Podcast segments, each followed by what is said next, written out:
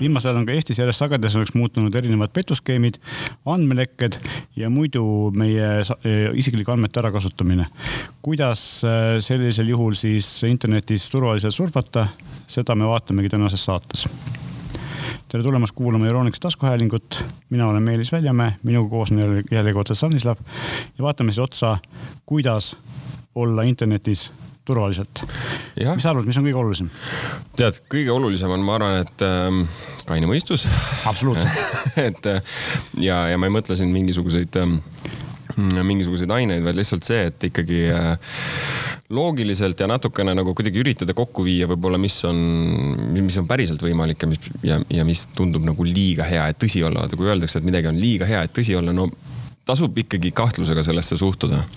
ja, ja samas ka see, et ega sada protsenti turvalisust ei ole kunagi võimalik tagada, aga kõik võiks teha selleks, et potentsiaalsetel pahalastel oleks võimalikult keeruline sinu andmetele ligi pääseda ja see oleks piisavalt äh, aeganõudev ja kulunõudev, et äh, see ei tasuks ennast ära. just ja, ja kui, kui te mõtlete, et et see mind ei puuduta ja et võib-olla see ei olegi üldse nagu teema, millesse, millesse nii-öelda pühenduda, siis, siis äh, sellise huvitava statistikana võiks välja tuua, et äh, käesoleva aasta esimese viie kuuga on välja petetud Eesti inimestelt rohkem kui kaks miljonit eurot. ja need petuskeemid tegelikult, mis mida Politsei- ja Piirivalveameti siis majanduskuritegude büroo juht on siin välja toonud erinevates pressiväljaannetes, on, on tegelikult väga, võiks öelda, et nagu ma ei, ma ei saa öelda, et absurdsed võib-olla, aga, aga ütleme niimoodi, et panevad natukene kukalt kratsima, et no näiteks on olnud juhtumid, kus petturid on helistanud inimestele ja öelnud, et nende kontodel toimub praegu midagi väga kahtlast. ja selleks, et raha petistele ei läheks, tuleks konto jääks sularahas välja võtta ja pangatöötaja kätte viia. ja kusjuures Eestis tehti, tegigi näiteks üks inimene sedasi ja võttis eh, kümme tuhat eurot oma pangakontolt välja ja viis täiesti suvalisele inimesele tänaval sisuliselt. ja on proovitud ka nelikümmend tuhat eurot välja võtta, kuid sellele õnneks pangatöötajad panid siis nagu käe vahele. et eh, noh, see lihtsalt nagu näitab seda, ma arvan, et, et küsimus ei olegi võib-olla see noh, nendes konkreetsetes inimestes, vaid küsimus on selles, et kui osavaks on tegelikult petised, petised läinud. jah, tegelikult see psühholoogiline profileerimine ja selline inimeste nõrkuste ärakasutamine või inimeste teadmatuse ärakasutamine on tegelikult ikkagi kunst omaette. et me kõik võime, isegi me võime arvata, pidada ennast ükskõik kui targaks, aga mitte mingil juhul ei, ei saa välistada seda, et ühel hetkel kõik meist võivad mingisuguse sellise ähm, väga-väga kõrge kvaliteetse ründe ohvriks sattuda. ja sellepärast ilmselt kõige mõistlikum ongi nagu pidada silmas mõningaid selliseid elementaarseid küberhügieeni reegleid, noh kasvõi alustame sellest, et eh, pangatöötaja ei ütle kunagi, et võta sularahas välja ja too minu kätte. Just, absoluutselt ja, ja noh, ja, ja tegelikult on väga levinud ja ka igasugused ju petukirjad, millest me natukene võib-olla detailsemalt räägime hiljem, aga, aga sellised petukirjad, kus sind suunatakse kuhugi lehele, et sa sisestaksid oma seal krediitkaardi andmed ja kõik paroolid, ühesõnaga noh, kõikvõimalikud andmed, mida mitte ükski pangaasutus ega ükski finantsasutus tegelikult ei saa noh, ja ei tohi sinult ka küsida, ehk siis sa Just. pead ise need äh, sisestama sellisel kujul, et nemad ei näe neid, on ju. et noh, ühesõnaga jah, et. minu teada ei anna ükski panga ühesõnaga, kui pank saadab sulle kirja, et sa pead midagi allkirjastama, midagi tegema, mida aeg-ajalt juhtub, siis nad ei saada sulle kunagi otse linki kuskile, vaid nad ütlevad, mine meie veebilehele ja Just, logi sisse ja tee audendi ja tee Just. sealt täpselt. mine siis sinna ja sinna, aga ja. mitte, et link on siin. sest kui seal on link, siis see tõenäoliselt viib mingile pangalehe sarnasele lehele, mis äh, on mingite pahalaste poolt loodud. ja eks me täna keskendumegi sinuga rohkem ilmselt siis natukene sellisele ja võib-olla mitte nendele konkreetsetele petuskeemidele võib-olla, vaid pigem ikkagi sellele, et mida võib äh, iga isik individuaaltasandil nii-öelda ära teha selle jaoks, et ei tekiks mingisuguseid küberturvalisusega seotud äpardusi. aga noh seadmed ilmselt on esimene, millest alustada. no esimene reegel on see, et eh, hoia oma seadmed uuendatuna ja päris tihti ma tean oma tutvusringkonnas ka, et eh, kurdetakse, et oh jälle mul on siin mingi ikoon, kes ütleb, et mul on uuendus mm, -hmm. ma ei mhm. viitsi sellega tegeleda, miks ma peaks seda tegema ja siis äpid uuendavad ennast iga päev ja tegelikult on see, et eh, see ei ole ju niisama, vaid enamus nendest uuendustest ongi ju tegelikult turvauuendused mm -hmm. ja päris tihti kasutatakse siis leitud nõrkusi ära, sest tarkvara on läinud väga-väga keeruliseks, vahet pole, kas on telefonis või arvutis, igal juhul kõik operatsioonisüsteemid on miljoneid idukoode, sealt, seda ei ole võimalik teha niimoodi, seal ei oleks mingisuguseid mm -hmm. turvaauke. ja neid ikka leitakse ja siis, kui äh, need on avalikuks tulnud, siis need üsna kiiresti parandatakse, sellepärast on alati tarvis hoida oma operatsioonisüsteem uuendatuna. sama lugu käib ka äppide kohta, et äh, see võib küll tüütu olla, aga tegelikult ega äppide tootjad ka ei viitsiks ju kulutada oma aega ja raha uuenduste tegemise peale, aga nende huvi on ka see, et inimestel oleks seda asja hea kasutada ja, ja nad saaksid seda teha teades, et nende andmed on korralikult hoitud, eks ole. sellepärast, sellepärast ka ikkagi tuleb, tuleb ka äppe uuendada mm. -hmm. ja, ja tegelikult ju ja kui tõesti võib-olla päeva jooksul need uuendused võivadki nagu kohati häirida, siis nii arvutites kui ka telefonides on võimalik kõike seda ajastada sellise aja peale, kus sa, ma ei tea, kas siis tõesti magad, on ju, või siis sa ei kasuta arvutit, ehk siis äh, väljaspool aktiivseid tunde. ja no tõesti, ma, ma ausalt ma ütlen, et ilmselt ei ole mitte ühtegi vabandust, et miks mitte uuendada tarkvara ikkagi kui see ei ole nüüd mingisugune beeta või mingi muu versioon, me räägime ikkagi ametlikest versioonidest, mis on nagu viimased ja heaks kiidetud, siis absoluutselt kõik seadmed on vaja praktiliselt esimeses jaos kohe ära, ära uuendada, eriti need seadmed, kus, mis sisaldavad teie isiklikke andmeid ja Just. uskumatult palju on meie nutitelefonides neid isiklikke andmeid tegelikult. rohkem, kui me oskame arvutada. just nimelt. Ja sellepärast äh, päris tihti on ka seda, et, et tegelikult inimesed ei noh, ei, ei, ei oskagi ette kujutada, kui, kui palju nagu isiklikke mm -hmm. andmeid erinevates äppides on ja sel, sealjuures võibki vaadata ka seda, et, et kindlasti tuleks üle vaadata need asjad, millele äpid juurde pääsevad, sest äh, kindlasti ei ole kõigil äppidel vaja ligipääsu sinu asukohale, sinu kontaktidele, sinu telefoninumbrile, äh, sinu sõnumitele. Mm -hmm.. ehk siis tegelikult äh, nii iOS-i kui Androidil on olemas seadetes koht, kus sa saad vaadata, millised õigused on millistele äppidele antud ja need kasvõi ühe kopp välja lülitada mm. -hmm, ja seda on mõistlik teha, sest et tõepoolest taskulambi äpp ei vaja ligipääsu, ma ei tea, kontaktidele, eks ole. just, seda, seda tasub alati ka teha ikkagi sellisest nagu kuidagi loogikast ja ratsionaalsusest lähtudes just, just nimelt, et taskulambi äpilt tõesti ei ole vaja sinna. seepärast äh, minu Androidi telefoni peal saabki minna niipidi, et võtad lahti need siis load ja siis sa võtad lahti näiteks äh, kontaktid mm -hmm. mhm. näed, millistel äppidel on ligipääs kontaktidele ja millistel äppidel see on keelatud mm. -hmm. mitte nii, et sa lähed igasse äppi ja vaatad, millal vastupidi nagu nende nii-öelda õiguste mm -hmm. põhiselt on seda mugavam teha mm. -hmm, ja siis põhimõtteliselt saab ju niimoodi kohe seal kohapeal nagu linnukestega ära märgistada, sa ei pea nagu iga, igas äpis seda eraldi tegema. täpselt nii. et äh, seda on nagu aeg-ajalt väga mõistlik teha, sest et tõepoolest me anname päris tihti, äpid vaikimisi küsivad ja operatsioonid tihti ka vaikimisi annavad mm -hmm. rohkem õigusi, kui neil tarvis oleks. ja, ja noh me kõik teame ilmselt seda või, või paljud inimesed ei tea seda, et, et eh, niimoodi kogutud andmeid kipuvad sellised äh, mitte kõige ägedamad äpitootjad maha müüma, et see on tegelikult väga hea tuluallikas, eh, suurem kui sellest äpist muud moodi teenida raha tihti. ja mis nendest andmest, andmetest edasi saab, see on juba iseküsimus. No, me et... ei saagi seda kunagi teada. noh, täpselt nii. sellepärast on mõistlik mitte nii, nii aktiivselt jagada. ja, ja lisaks, mis on järgmine samm siis selle jaoks, et oma andmeid üldse kaitsta, igasuguseid kontosid on paroolid igal pool. parool peaks olema keeruline. parooli pea, paroolis peaks ka kasutama eh, paroolihaldurit, ehk siis mm -hmm. kõiki keerulisi paroole ei suuda mitte keegi, meil on sadu ilmselt meeles mm -hmm. pidada. ja paroolihaldur võiks olla siis usaldusväärse kolmanda tootja oma, ehk siis eh, kuigi nii Apple, Google kui Microsoft toodavad, teevad ise brauseris seed paroolihaldurit, siis kui ta on brauseris sees, siis ta on tegelikult palju haavatavam komponent, kui on mm -hmm. kolmandtootjate paroolihaldurites, nad on omavahel seotud, eks. ja noh, LastPass, OnePassword, Bitwarden, kõik sellised korralikud tuntud paroolihaldurid, mõned on tasulised, mõned on tasuta. mõnedel on lihtsamad funktsioonid tasuta ja siis keerulisemad tasulised. Nad loovad selle ise parooli hästi keerulise, eks ole. mina, kui ma ei kasuta paroolihaldurit, siis ma, ma päris tihti teen näiteks niimoodi, et ma võtan äh, mõne meeldejääva fraasi kuskilt raamatust, mis mm -hmm. ei ole mhm. tuntud ja kasutan seda. seal on üks eelis on veel see, et seal saab kasutada suur-väike tähti, ei pea tingimata kasutama sealjuures numbreid ja see pro on ikka piisavalt turvaline, kui ta on mm -hmm. ikkagi kakskümmend tähemärki ja see on kergesti meeldejäetav, see on palju parem kui, kui kaheksa tähemärgiline mingisuguste erisümbolitega, mida me ei suuda meelde jätta mm,. ja teine asi on see, et mis tegelikult päris tihti teeb parooli häkkimise keerulisemaks on see, et sellistesse fraasidesse saab sisse jätta tühikud ehk siis mm -hmm. sõnade vahel tühikud, mida päris tihti paroodides ei kasutata, aga see on lisa, lisakoht ja see on äh, päris tihti ka nii-öelda häkkerid ei arvesta sellega, nad testiksid tühikute vastu mm. -hmm. ehk siis sõnade vahel, sõnade vahel tühik nagu päris lauses ja see on mm -hmm. hästi efektiivne. ja loomulikult noh, kui, kui me räägime sellest, et äh, kuskilt raamatust pärit fraas, siis võib-olla mm, kui Arno ise ka Kollimäe jõudis, on liiga levinud teatakse liiga Just, palju. aga midagi taolist võib võib kasutada, mis on teile nagu teie lemmikraamatus selline fraas mm. või lause, mis on teile meelde jäänud ja mida ilmselt paljud teised ei tea ja eesti keele eelis on ilmselt ka see, et täpitäht on juba erisümbol mm -hmm. ja mhm. teiseks on see, et ilmselt ähm, noh, nii-öelda jõuga äh, üritades seda lahti äkkida, siis äh, eestikeelsete sõnade nagu kasutamise peale palju välismaisi äkkeid ei tule lihtsalt mm,. just. et, et selles mõttes on selline sõna on nagu või lause on nagu väga-väga tegelikult lihtne ja turvaline parool.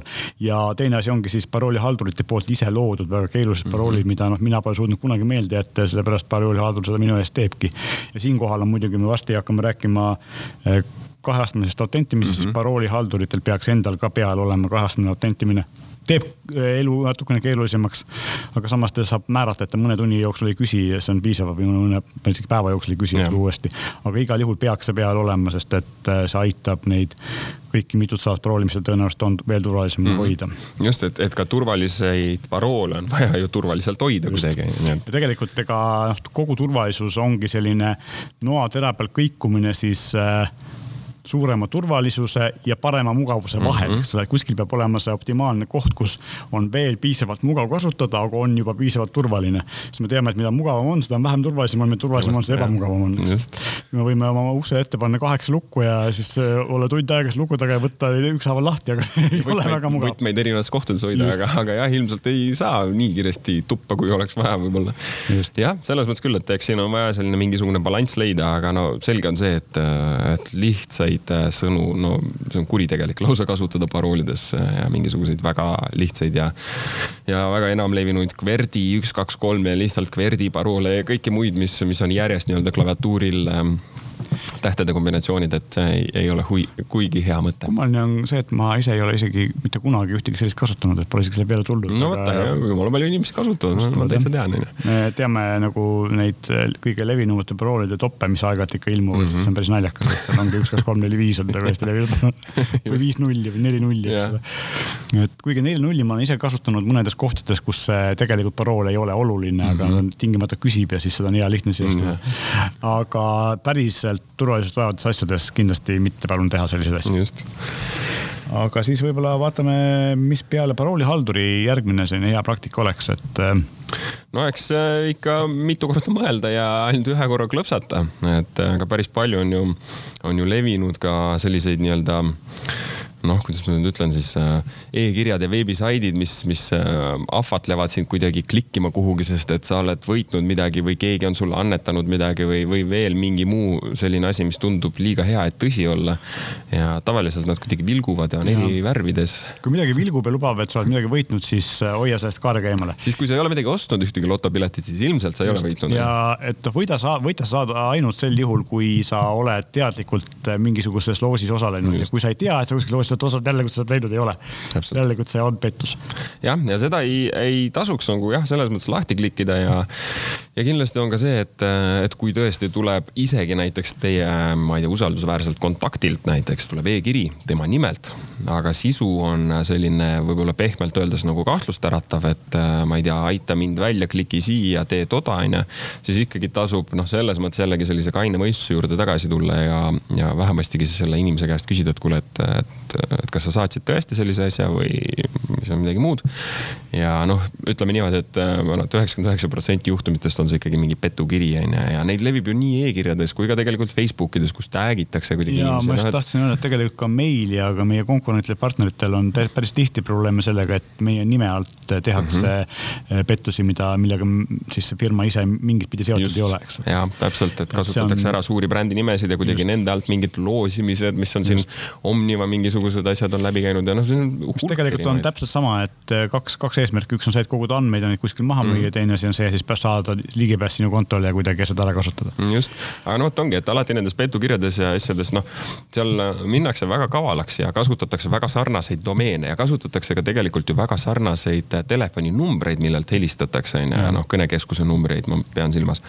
aga noh, jällegi et äh, tasub siukse, noh, selles mõttes ettevaatlikkusega alati, alati sellesse suhtuda ja ikkagi vaadata, et äh, noh, kas see veebiaadress vähemasti, kas ta tõesti on selle äh, firma või siis selle ettevõtte aadress või seal ees on või seal lõpp on kuidagi mingi kahtlane või noh, midagi on nagu teistmoodi. tavaliselt et... lõpp on teistsugune, et no, ei vasta nagu päris sellele domeenile või selle firma nimele, mis seal on firma nimi ja siis lisaks on mm -hmm. veel mingi lisaasi, mida seal tegelikult olla ei tohiks mm. -hmm. et seda tuleb kindlasti üle vaadata ja tegelikult päris tihti ka, kui äh, selline levinud petuskeem on nagu laiali läinud, siis äh, brauserid äh, tavaliselt panevad need omale musta nimekirja mm -hmm. ja siis mhm. hakkavad hoiatama automaatselt selle eest, eks ole, viskab selle kirja ette, et see, see, see aadress on tõenäoliselt äh, või, või kindlasti tegeleb pettusega. ja muidugi üks asi, mida mina ütleksin veel lisaks, et kui saadetakse kirju või, või dokumente, siis ka tööalaselt tegelikult kui te saate kirja kolleegilt, mida te mingi manusega, mis tundub, isegi võib-olla ei tundu kummaline, tundub nagu okei okay,, aga kui, kui te seda ei oota, kui te ei ole mm -hmm. enam kokku leppinud, ei ole sel teemal rääkinud, siis võimaluse korral tasub nagu telefoni teel või sõnumis üle küsida, et kuule, et kas sa saatsid mulle sellise asja, et kas see on nagu õige asi, sest päris tihti tuleb välja, et inimene ei teagi sealt midagi. no just on ju, jah. ja noh, ja kui me räägime siin e-poodidest ja võib-olla lihtsalt isegi veebilehtedest, kus mingisuguseid andmeid sisestate, siis alati tasub veenduda ka selles, et kas ta ikkagi kasutab turvalist äh, ühendust ehk siis äh, veebibrauseri siis äh, aadressi riba juures on selline lukukene.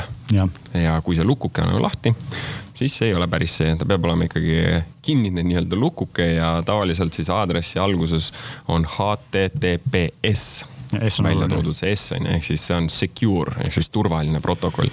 ja ma arvan, et kõik endast lugupeet-, pidavad ikkagi veebisaidid, mis tõesti tahavad ikkagi pikaajaliselt tegutseda ja ei ole paha, paha, pahade eesmärkidega, nad alati kasutavad ikkagi turvalist veebi. ja, ja siin on ka see, et äh, enamus brauseri tootjaid äh, või siis operatsioonisüsteemi tootjaid on tänapäeval ikka sinnamaani jõudnud, et kui sul ei ole HTTPS aadressi, siis äh, selle eest ka hoiatatakse inimesi vaata ette, et see tundub kahtlane. jah, et sinna lehele tegelikult ei pääsegi, vaid ta lihtsalt ütleb, et juba tuleb hoiatus ja sa pead tahtlikult nii-öelda siis Mitu veel paar klikki tegema, tegema selleks, et päriselt jõuda sinna. siis küsitakse ülevaatusega kindel.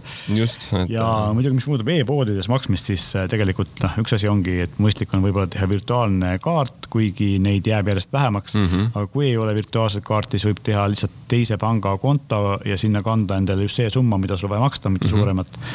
Ja muidugi õnneks on nüüd see, et Euroopa Liidus on sellest aastast kohustuslik äh, siis internetipangas autentimine ka kaardimaksete korral, mis töötab Eesti poodides igal pool ja ilmselt ka muudes kohtades, nii et, et sind suunatakse vahepeal panka, küsitakse sinu kasutajanime mm -hmm. ja, ja siis logimist ja ühesõnaga kinnitada see makse, et see on tegelikult päris palju välistab neid varasemaid maksepettusi. ja, ja, ja kui jällegi krediitkaartidest rääkida veel, siis äh, igasugused turvalised makselahendused, noh, ma arvan, et PayPal on ilmselt kõige levinum siin kohapeal, et äh, väga paljud ju, eriti välismaised äh, veebipoed äh, toetavad seda. ja noh, see on jällegi väga hea koht või väga hea teenuspakkuja, keda kasutada selle jaoks, et oma makseid teha, et ei peagi ilmtingimata krediitkaardi andmeid ju sisestama kuhugi, vaid saab läbi teenuspakkuja maksta. tõsi et ja kui mingid probleemid tekivad, siis on olnud ka, ka minul isiklikke juhtumeid, kus PayPal tegelikult kaitseb tarbijat. ja, ja lahendab neid probleeme ka kasutaja eest nii et äh, võib-olla siis selle mehe nii-öelda kolmanda sellise soovituse kokkuvõtteks, et ähm, noh, piisavalt kriitiline meel, aga samas mitte liiga paranoiline, ütleks siis nii võib-olla niimoodi, et, äh, et lihtsalt tasub, tasub süveneda et mida, mida, kus, kus avatakse ja, ja mille peale klikitakse. tähelepanu ei ole kunagi liigne või Just. suur tähelepanu ei ole kunagi liigne, et tasub, tasub olla tähelepanelik äh, kui teile saadetakse tänapäeval isegi tegelikult sõnumitega, SMS-ide ja, ja igasuguste Whatsappide ja, ja, ja iMessage'ite kaudu leivivate sõnumitega võib juhtuda see, et see tegelikult tuleb kuskilt, kus on äh, isegi tuttavalt kontaktilt võib tulla mm -hmm. see, kui on konto üle võtnud, siis äh, võib tulla sõnum, mis viib äh, kuskile, kus äh, tehakse midagi kurja. jah, et ei tasu viibida seal. jah, et kui, kui on ikkagi asi, mis, äh, kui sa pole, ma ei tea, mingisuguse ekskolleegiga kümme aastat suhelnud ja siis ta järsku saadab sulle sõnumi, et kuule, vaata siia ja kohe all on link, siis tõenäoliselt äh, ei ole midagi head ega õiget ilmselt jah. ja siis äh, võib-olla va vaataks otsa sellisele kolmetähelisele väljendile nagu VPN, mis see on ja mida see -hmm. teeb? see on siis äh, virtuaalne privaatvõrk. just. ehk siis ta on põhimõtteliselt äh, teenus, mis äh, ütleme siis võimaldab äh, natukene siis anonüümsemaks jääda siis internetis, võib siis nii koht, nii vist selle kohta öelda jah, ja eriti on see kasulik just siis, kui sa viibidki kuskil hotellis, lennujaamas, kohvikus ja oled avalikus wifi võrgus näiteks. jah, et võimaluse korral mitte kasutada avalikku wifi't mm -hmm. ilma VPN-ita, et äh, kui on võimalik, siis kasutage kindlasti VPN-i. järjest rohkem tekib tegelikult telefonitootjatele, eriti noh, Google'i Pixelil ja, ja minu iPhone'il on nüüd olemas äh, nii-öelda tootja endapoolne VPN, mis laseb siis läbi telefonitootja Apple'i või Google'i serverite mm -hmm. avalikus wifi's olevad asjad, nii et, et seda saab ka kasutada mm. -hmm. turvaline wifi on vist Samsungil selle mm, -hmm. selle nimeks on eestikeelne vaste. jah, et see kohati isegi päris, tegelikult peab ütlema, et päris paljusid võrke ta tegelikult blokeeribki ja ei lasegi ja. nendega liituda, sest ta ei pea neid piisavalt turvaliseks. aga see on ka põhjusega, et äh, tavaliselt on avalikus võrgus on noh, ütleme nii, et ei ole lihtne, aga on võimalik äh, siiski päris igaüks võib-olla seda ära, ära ei tee, aga siiski on võimalik ka pääseda suhteliselt noh, ütleme natukene vaevaga, aga siiski teise inimese no, andmetele ligi. olles näinud äh, erinevaid välismaiste hotellide ja, ja eriti hull igasugust Airbnb tüüpi majutuskohtade wifi't, siis äh, noh, turvalisus on seal nagu kuivatuspaber, et ega sealt nagu midagi turvalisust rääkida ei saa, et sel juhul jah, mina pigem kasutaks oma mobiilset netti või siis tegelikult võib ka ju välismaal mobiilset netti kasutades äh, üle VPN-i äh, olla ja loomulikult päris paljud tööandjad tööalaseid asju tehes mm -hmm. nõuavad seda nagunii, et kuna siis tekib ikkagi krüpteeritud võrk sinu tööandja serveri ja sinu seadme vahel, eks ole, ja, ja seal on ähm, on ikkagi äh, see enam-vähem kaitstud, see, see info, mis liigub mm. -hmm. VPN on hästi selline asi, mis tekitab äh, sellise virtuaalse võrgu, mis äh, on sinu seadmest ja siis selle VPN-i teenuse pakkuja vahel või kui see on sinu tööandja poolt installitud VPN, siis ta loob ühenduse sinu tööandja arvutivõrguga mm, -hmm. eks ole. ehk siis loob, loob siis turvalise kanali, läbi mille siis. ja lisaks siis sellele, et et, ei saa, VPN kaitseb siis seda, et võõrastes võrkudes olles äh, ei oleks seal liiga palju või ei häkitaks sind niisama lihtsalt. siis tegelikult ta aitab ka näiteks selle vastu, et teatavasti ilmselt paljud seda ei tea, aga meie teenusepakkujad näevad kõike, kuhu sa käid mm. -hmm. ja mingite puhul on see lausa seaduse kohustus logisid hoida, eks ole. siis ähm, VPN aitab ka selle vastu, et ta lihtsalt ei näita kogu liiklust äh, operaatorile. ja loomulikult noh, see on hästi levinud äh, asi, mille puhul VPN-i kasutatakse, on see, et jätta muljet, et sa oled kuskil teises riigis, kus sa mm -hmm. kasutad teenust, mis Eestis ei tööta, siis paratamatult meie väikses riigis äh, tihti on nii, et siis me peame ennast valetama kuskil Rootsi. Soomes, Rootsis või, või Inglismaal asuvaks, eks ole. et, selleks, et mõnda täiesti legaalset teenust kasutada, mille eest isegi maksta tahad, aga mm, -hmm. aga lihtsalt lasta. et meie raha neile ei meeldi kohati ja noh, VPN-ide puhul tasub märkida ka seda, et kindlasti tasub eelistada ikkagi tuntud ja kvaliteetseid tootjaid ja, ja noh, selles mõttes ikkagi tasub korralikku VPN-i ikkagi investeerida, et tasuta ja. teenuseid pigem üldse vältida. siin on ikkagi see, et tasub vaadata ülevaateid, vaadata, milliste praktikatega VPN-i nii-öelda omanikud või VPN-i firmad eh, siis eh, tegelevad ja, ja tegelikult need ka ajas muutuvad, et nii mõnigi tuntud VPN-i tootja on ära ostetud ja siis on läinud väga heast väga kehvaks, aga mm -hmm. Express VPN, NordVPN on ilmselt kõige tuntumad, TunnelBear on, on suhteliselt äh, arvestatav ja noh, siis ka turvalisuse huvides võib-olla mitte niivõrd, neil on nii palju lisavõimalusi, aga turvalisuse huvides on enamusel või paljudel eh, viirusetõrje tootjatel on seal paketis ka VPN-i mm -hmm. nii-öelda omadus, et, et neid saab ka kasutada, et eh, seal tegelikult jah, päris tihti nad ei lase teha mingisuguseid VPN-ide lisavõimalusi, aga neil on see just selleks, et kaitsta siis inimeste turvalisust surfamisel. ja noh, kui, kui mõelda natukene selle peale, et kui me juba viirusetõrje juurde ju sisuliselt nii-öelda otsaga jõudsime, siis ja otsapidi jõudsime, siis ähm, sest tegelikult äh, sihuke keskmine viirusetõrje, no ärme võib-olla keskendu siin konkreetsetele mingitele tootjatele, aga noh, ütleme meie valikus laias laastus on selline noh, suurusjärk seal, ma ei tea, kolmkümmend, nelikümmend eurot on aastane viirusetõrje. jah, see on äh, selline kahe otsaga asi, et, et kohati äh, mõningate viirusetõrjete puhul see viirusetõrje enda installimine tekitab lisaauke, mida muidu operatsioonisüsteemis ei ole. et peab vaatama, milline see tootja on ja kui tuntud ta on ja kui mm, -hmm. kui hästi ta oskab seda teha. teine asi on see, et kui ei ole nagu, on selline väga harva arvuti kasutamine, ei ole nagu väga palju ei ole sellist liiklust, siis äh, tegelikult piisab enamasti sellest äh, arvutitootja või siis näiteks Microsofti poolt äh, Windowsi puhul siis ehitatud viirusetõrjest mm -hmm. tegelikult olemas, vanasti ei olnud, aga viimasel ajal alates Windows seitsmest on see kohe vaikimisi sees. ja see on mitte super hea, aga tegelikult piisavalt hea, kui olla selline tagasihoidlik arvutikasutaja mm. -hmm. et sest, et kvaliteetsem, suurem viirustõrje installimine, haldamine pigem vajab natuke lisateadmisi just, ja, ja kui, kui need on olemas, siis äh, tasub seda kasutada mm. -hmm, tänapäeval on ka see, et vanasti oli viirustõrje võttis hästi palju süsteemi ressursse ja tegi arvuti aeglaseks, et seda mm -hmm. ohtu tänapäeval enam ei ole. ei ole jah, jah, selles mõttes ma olen nõus, et kindlasti, et viirusetõrje, ütleme seadistamise, seadistamine selliselt, et, et ta ei piiraks nagu liigselt, aga ja. samas, et temast oleks kasu, võib-olla tõesti nõuab natukene nagu rohkem teadmisi. lisaks on, on see, et kui äh, kasutada viirusetõrjet, siis äh, kas, mina soovitaks just pigem kasutada kas siis sedasama Windowsisse sisse ehitatud varianti või tasulist ja mitte levinud populaarseid tasuta viirusetõrjeid, sellepärast et ka nemad kipuvad esiteks punkt üks, tasuta lõunaid pole olemas, äh, koguma teie andmeid ja müüma ükskõik kellele, eks ole mm. -hmm. ja teiseks see, et seal on päris palju reklaame ja lisateenuseid, mida tegelikult vaja pole, mida kohati on võimatu välja äh, lülitada. just sellepärast, et kuidagi peab ju saama ka nemad peavad saama süüa. no see peab olema äriliselt kasumlik Just. ikkagi. no nõus täiesti sellega, et, ähm, et kahtlemata jah, või võib kinnitada seda, et meie valikus on äh, ainult, ainult kontrollitud ja turvalised viirusetõrje lahendused, nii et, et äh, meie valikust võite julgelt neid, neid otsima tulla. mis meil veel on, on võib-olla selline soovitus, on äh, erinevad meilikontod. Erinevate võib-olla tegevuste tegemiseks.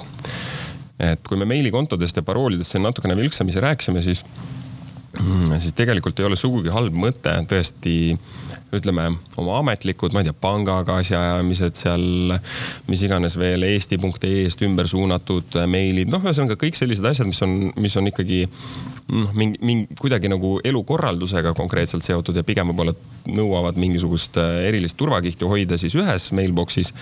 ja igasuguste foorumite, muude platvormides registreerimiseks oleks mingisugused teised siis äh, meilikontod ja see põhjus on, on lihtsalt siis selles, et kui, kui tõesti ikkagi kaaperdatakse meilikonto, siis äh,, siis on sealt väga lihtne igasuguseid andmeid kokku viia tegelikult teie kohta ja ja eks ähm, eks võib-olla mitte kõik foorumid ja mingisugused veebiportaalid ka ei suuda väga kõrget turvalisust äh, tagada ja kui te näiteks peaksite ka kasutama mingisuguseid paroole korduvalt ja, ja nende poolt see parool lekib koos siis teile meiliaadressiga välja, noh siis sealt juba tekivad järgmised nagu probleemid. nii et selles mõttes jah, võib-olla sellistes äh, mitte nii nagu turvalistes võib-olla kohtades lausa luua veel täitsa eraldi mingisugune, ma ei tea, tagavara mailbox, äh, mida kasutada ja, seal. ja, ja loomulikult äh, oluliste kontodel, ma ei tea, Google'i kontol, Apple'i kontol tasub äh, siis lisada alati sinna back-up välja alla oma teine meiliaadress mm -hmm. ja oma telefoninumber ja kindlasti mõlemad meilikontod kasutada mõlemal meilikontol kaheastmelist autentimist ja tegelikult kaheastmelist autentimist tuleb kasutada kõikjal, kus mm -hmm. vähegi võimalik. see on üks turvalisuse elementaarseid asju tänapäeval ja siinkohal kehtib jälle see, et see ei ole väga mugav aga see on palju turvalisem ja siin on see jällegi koht, kus tuleb öelda, et see tasub äh, ennast kindlasti ära, see väike ebamugavus mm, -hmm. sest et, äh, et see üks kood oma telefonisoolest äpist mm -hmm. vaadata või siis sõnumiga saada, on kindlasti vähem probleeme kui see, et see meiliaadress kunagi kaaperdatud on. ja pärast taastada see kõik ja kusjuures ma võin jällegi enda kogemusest võin öelda seda, et, et see kaheastmeline autentimine on väga turvaline, ma ise kasutan Google Authenticatorit väga mitmetes erinevates portaalides. ja ühe portaaliga mul juhtuski niimoodi, et ähm, mul oli, mul oli telefoni, telefoni vahetus ja ma ei teinud back-up'i Google Authenticatorist ja ma ei back-up inud seda QR koodi, millega sa saad siis kõik oma kontod uude seadmesse importida. ja mul läkski, noh, selles mõttes ma tegingi, tühjendasin ära vana telefoni ja kõik minu nii-öelda need kontod, mis olid seal kaheastmelise autentimisega seotud, need jäidki sinna ja ma ei saanudki mitte kuidagi ise enam lahti seda portaali, seda portaali kontot, sest mul ei olnud seda koodi talle ette näidata. uues telefonis see enam ei toimi, sest see sidumine on tehtud vana telefoniga. ja ainuke viis kogu selle asja, kogu seda asja lahendada oli kasutajatoega. ja ma nägin kurja vaeva, sellepärast et noh, see oli üks finantsportaal, siis ma pidin veel seal esitama mingisuguse oma isikust tõendavas dokumendi pildi ja siis ma pidin veel saatma sinna mingisuguse kommunaalide väljavõtte, et tõendada, et ma elan sellel aadressil. no ühesõnaga sada asja oli, pidi tegema ja lõpuks ma sain selle konto lahti ja sain uue nii-öelda siis selle kaheastmelise autentimise teha. sellepärast et, ähm, kasutan mina sellist äppi nagu Auti, mis kuulub aitäh, Meelis, nüüd siis mis kuulub äh, sellisele, vanasti oli iseseisva ettevõte, aga ostis ära ta selline suur äh, IT-lahenduste firma nagu Twilio, kellel on ka Tallinnas kontor. Ja, ja suur, suur IT-lahenduste pakkuja, mis peaks olema turvaline ja Auti eeliseks, mugavaks eelis ongi see, et sa saad korraga kasutada mitme seadme peal mm -hmm. ja on kergelt imporditav, aga samas ta on piisavalt turvaline, tal on ikkagi kaheastmeline autentimine, tal on endal ka siis, eks ole mm, -hmm. tal on mhm. olemas back-up koodid, kõik muud asjad, nii et, et see, see lahendus mulle meeldib. ja kui on võimalik teenuse puhul valida, kas kasutada SMS-iga saadetud koodi või äpist genereeritavat koodi, siis alati tasub eelistada äpist genereeritavat mm -hmm. koodi, kuna need on turvalisemad kui SMS. SMS ei ole krüpteeritud ja seda on hea tahtmise korral võimalik äh, kõrvalist isikutel lugeda. täpselt nii. Aga igal juhul kaheastmeline autentimine, kus vähegi võimalik, kõik sotsiaalmeediakontod, kõik meilikontod mm, -hmm. kõik, kus teie olulised isikuandmed on, kus vähegi see võimalik on, tuleb see kindlasti peale panna ja siinkohal tuleb öelda äh, au ja kiitus meie e-riigi tiigrile, sest et äh, mobiil-ID ja Smart-ID ja ID-kaart samuti tegelikult äh, teevad sedasama asja, aga mm -hmm. veel, veelgi mugavamalt ja veelgi laiemalt ja seal on ikkagi noh kas me usaldame oma eh, riigi e-teadmisi või mitte, aga, aga nad vähemalt on kunagi selle alguse väga ilusti teinud ja töötab siiamaani, et mina kasutan Smart-ID-d kindlasti niimoodi kümmekond korda päevas mm -hmm. ja, mhm. ja ma arvan, et see on väga mugav teenus ja selline, ma ütleks, et tulevikku vaatav kaheastmeline autentimine tegelikult. kahtlemata jah. ja, ja samamoodi eh, siinkohal üks asi, mis meil on ka veel nagu olemas, mida väga vähe kasutatakse. inimesed kasutavad ID-kaarti ja kui te tahate saata andmeid või mingeid olulisi äh, dokumente, mis on, peaksid olema krüpteeritud või siis kuidagi teiste kõrvaliste pilkudest suletud, siis äh, ID-kaardi kasutajate vahel, kui te teate teist inimese isikukoodi, on võima- või vist piisab nimest mm, -hmm. on võimalik krüpteerida ID-kaardi tarkvaraga ID isikukoodi peale ja põhimõtteliselt on see kõige turvalisem krüpteerimisviis, sest et seda põhimõtteliselt niisama lihtsalt lahti võtta ilma ID-kaardita ei ole võimalik. seda kasutavad ka näiteks meie meditsiiniasutused, politsei ja nii edasi, sinu inimese, konkreetse inimese teadete saatmiseks, nii et keegi teine mm -hmm. ei näeks mm. -hmm. et eh, see on asi, mis on meil riigi poolt loodud ja mis on väga turvaline, hea lahendus, mida väga vähesed kasutavad. jah, just et, et kahtlemata, et see krüpteeritud andmete edastamine on. just ja noh, päris tihti mina tean siin äh, praktikas hästi palju seda, et, et tundlikke isikuandmeid edastatakse niimoodi, et installitakse omale arvutisse 7-zip, äh, siis selline pakkimistarkvara, mis võimaldab, tavaline Windowsis olev sipimistarkvara ei võimalda seda, kui võimaldab lugeda mm, -hmm. aga ei võimalda sisestada parooli.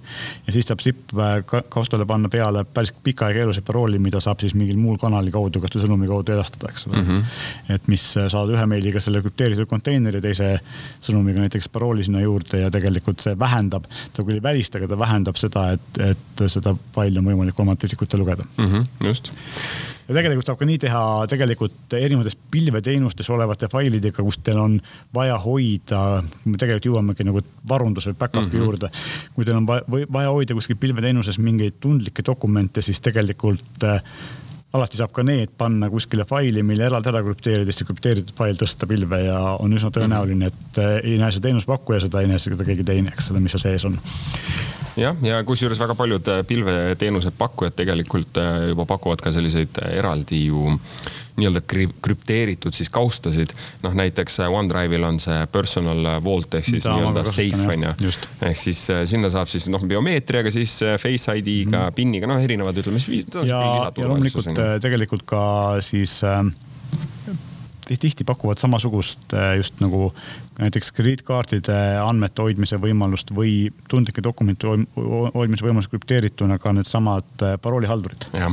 et neil on reeglina eriti tasulistel versioonidel olemas selle jaoks nagu eraldi lisateenus või, või see integreeritud teenus mm, -hmm. mis mhm. võimaldab nagu tekitada sellise nii-öelda rahakoti, äh, mis on turvalisem kui, veel turvalisem kui see muu osa seal sellest mm. -hmm. ja kui me räägime nagu siin jah, igasugusest varundamist ja sellist asjadest, siis ähm, tegelikult äh, üks asi ongi see, et kui me juba ennem rääkisime siin seadmetest, arvutite ja telefoni tarkvara uuendamisest, siis kõigil seadmetel peaks olema samamoodi peal võimalikult keeruline parool.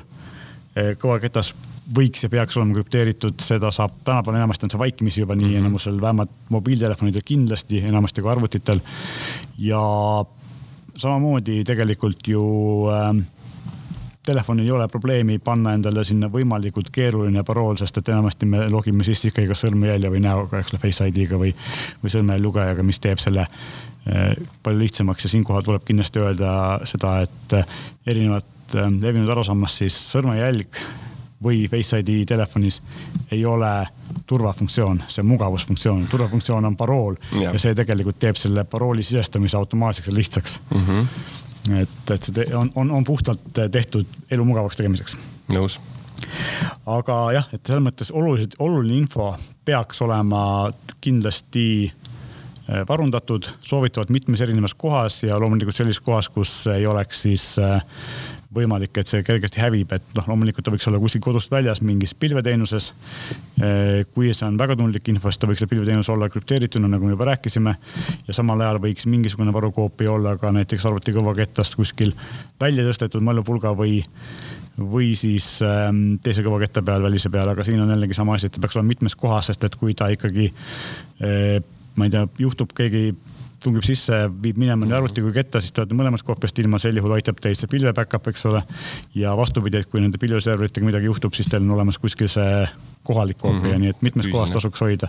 kõiki asju ei ole võimalik ja, ja ei saagi äh, alati varundada, aga eluliselt vajalik info peaks olema kindlasti turvaliselt kuskil mitmes kohas äh, olemas mm. -hmm tänapäeval on see üsna lihtne. just ja võib-olla siia päris äh, äkki lõppu veel rääkida ka sellest, et tasub alati ka tähele või mitte tähele panna, aga lihtsalt mõelda ka selle peale, et noh, sotsiaalmeedia on väga levinud, ütleme siis meediaviis tänasel päeval. ja väga paljudel on erinevad sotsiaalmeediakontod ja tasub alati ka sotsiaalmeediakontode turvalisuse mitte ainult paroolide mõistes üle vaadata, vaid ka selle, selles mõistes, et milliseid andmeid tegelikult teie kohta kuvatakse veebiotsingumootoritele äh,. täiesti võõrastele inimestele, kes ei ole näiteks teie sõbralistis kas äh, noh, ühesõnaga tasub jälle kriitiliselt natukene üle vaadata ja ja mõelda lihtsalt selle peale, et millised, millised andmed teised inimesed äh, näevad ja mida te ise jagate näiteks selle platvormiga. ja kas, kas, kas te tahate, et neid andmeid päriselt jagatakse, et võib-olla te tihtipeale ei pane isegi tähele, mis andmeid seal just, jagatakse. Facebookil on see väga lihtsalt tehtud, see, et sa saad vaadata nii anonüümse kasutajana kui ka siis oma sõbra vaates mm, -hmm. mida tema näeb sinu just. andmetest, eks ole. siis oma profiili nii-öelda üle vaadata. ja üks asi, mida võib-olla me siin ennem, kui me rääkisime maksetest ei rääkinud, siis äh, me rääkisime sellest, et tasuks teha võib-olla virtuaalne kaart ja sest tegelikult päris tihti meil on juba taskus olemas potentsiaalne või isegi töötav virtuaalne kaart, mille peale ei mõtle mm. -hmm. meie panga äpp või Apple Pay, Google Pay telefonis mm, -hmm. kellas, kõik sellised virtuaalsed makselahendused loovad Eh, virtuaalse kaardi, eh, mis ei ole, mille number ei ole identne sinu füüsilise kaardiga, mis tähendab seda, et kui sa nendega maksad, siis tegelikult äh, nende lekkima minek, mis esiteks ei ole väga tõenäoline teiseks ei juhtu ka mitte midagi. et kui sul on võimalik maksta kella või telefoniga, siis tee seda, sest mm -hmm. see on turvalisem. just. ja no Apple'il on ka, eks ole, Apple Pay'd on võimalik kasutada ka veebis, nii et, et selles mõttes on, on tegelikult lisa selline turvalisuse kiht on ka, on ka siin loodud, et ja tegelikult Androidi kasutajatel see ja Swedbank võimaldavad ka äpiga maksta, nii et, et selles mõttes, kui teil ei ole Google Pay'd või Apple Pay'd või te ei taha, eriti Androidi puhul, kui te ei taha Google'ile oma pangakaardi numbrit anda, siis kasutage oma panga äppi ja see lisab ka lisaturvalisust, lisaks mm -hmm. lisab mugavust. mina maksan telefoniga praktiliselt iga päev või noh, iga kord, ma poes käin ja pole väga ammu isegi kaarti kaasa võtnud ja töötab ideaalselt. teine asi, mida me veel, kui me rääkisime just siin äh, telefoni turvalisust ja sellest, et, et parool ja, ja siis nägu ei ole mitte turvafunktsioon, vaid mugavusfunktsioon, siis kui teie kasutate Androidiga telefoni palun kasutage pattern'it, mis eesti keeles on mustrit. see on üsna ebaturvaline, et pange sinna korralik keeruline parool ja kasutage sõrmejälge mm. -hmm. täiesti nõus, eriti kui telefonis on, ma ei tea, mingisugused äh, tõesti salvestatud makseviisid, millega on võimalik mingeid asju osta. no meil kõigil on telefonis palju rohkem äh, isiklikku andmeid, kui me oskame arvata, nagu me enne juba rääkisime, et see on tähtis, et, et kindlasti eh, noh, kõige rumalam asi, mida üldse teha saab, on see, et kui üldse telefoni paneb mingisugust parooli, aga mm -hmm. on täiesti lahti, et see on nagu noh seda peaks kohe, kohe välistama. ja, ma tean, et äh, mustriga avamine on mugav, aga mm, -hmm. aga see ei ole turvaline minu teada Google on ka selle pealt aktiivselt ära liikumas, et nad väga seda isegi, aga vanematel telefonidel on see siiski olemas ja seda kasutamist võiks vältida. täitsa nõus. ja ma arvan, et äh, sellega me olemegi nagu turvalisuse ülevaate teinud, et kui te nendest nõuandest kinni peate, siis ma usun, et äh, et kindlasti on teie elu internetis turvalisem ja kõige olulisem on see, et kõige kõige tähtsam turvalahendus on kahe kõrva vahel, ehk siis kaine mõtlemine ja kriitiline meel aitab alati kõige rohkem kaasa. aga kui teil on äh, soovitusi selle kohta, mida me oma saadetes tulevikus rääkida võiksime või küsimusi, siis palun kirjutage meile, meie meiliaadress on saade.euroniks.ee. meie täname kuulamast.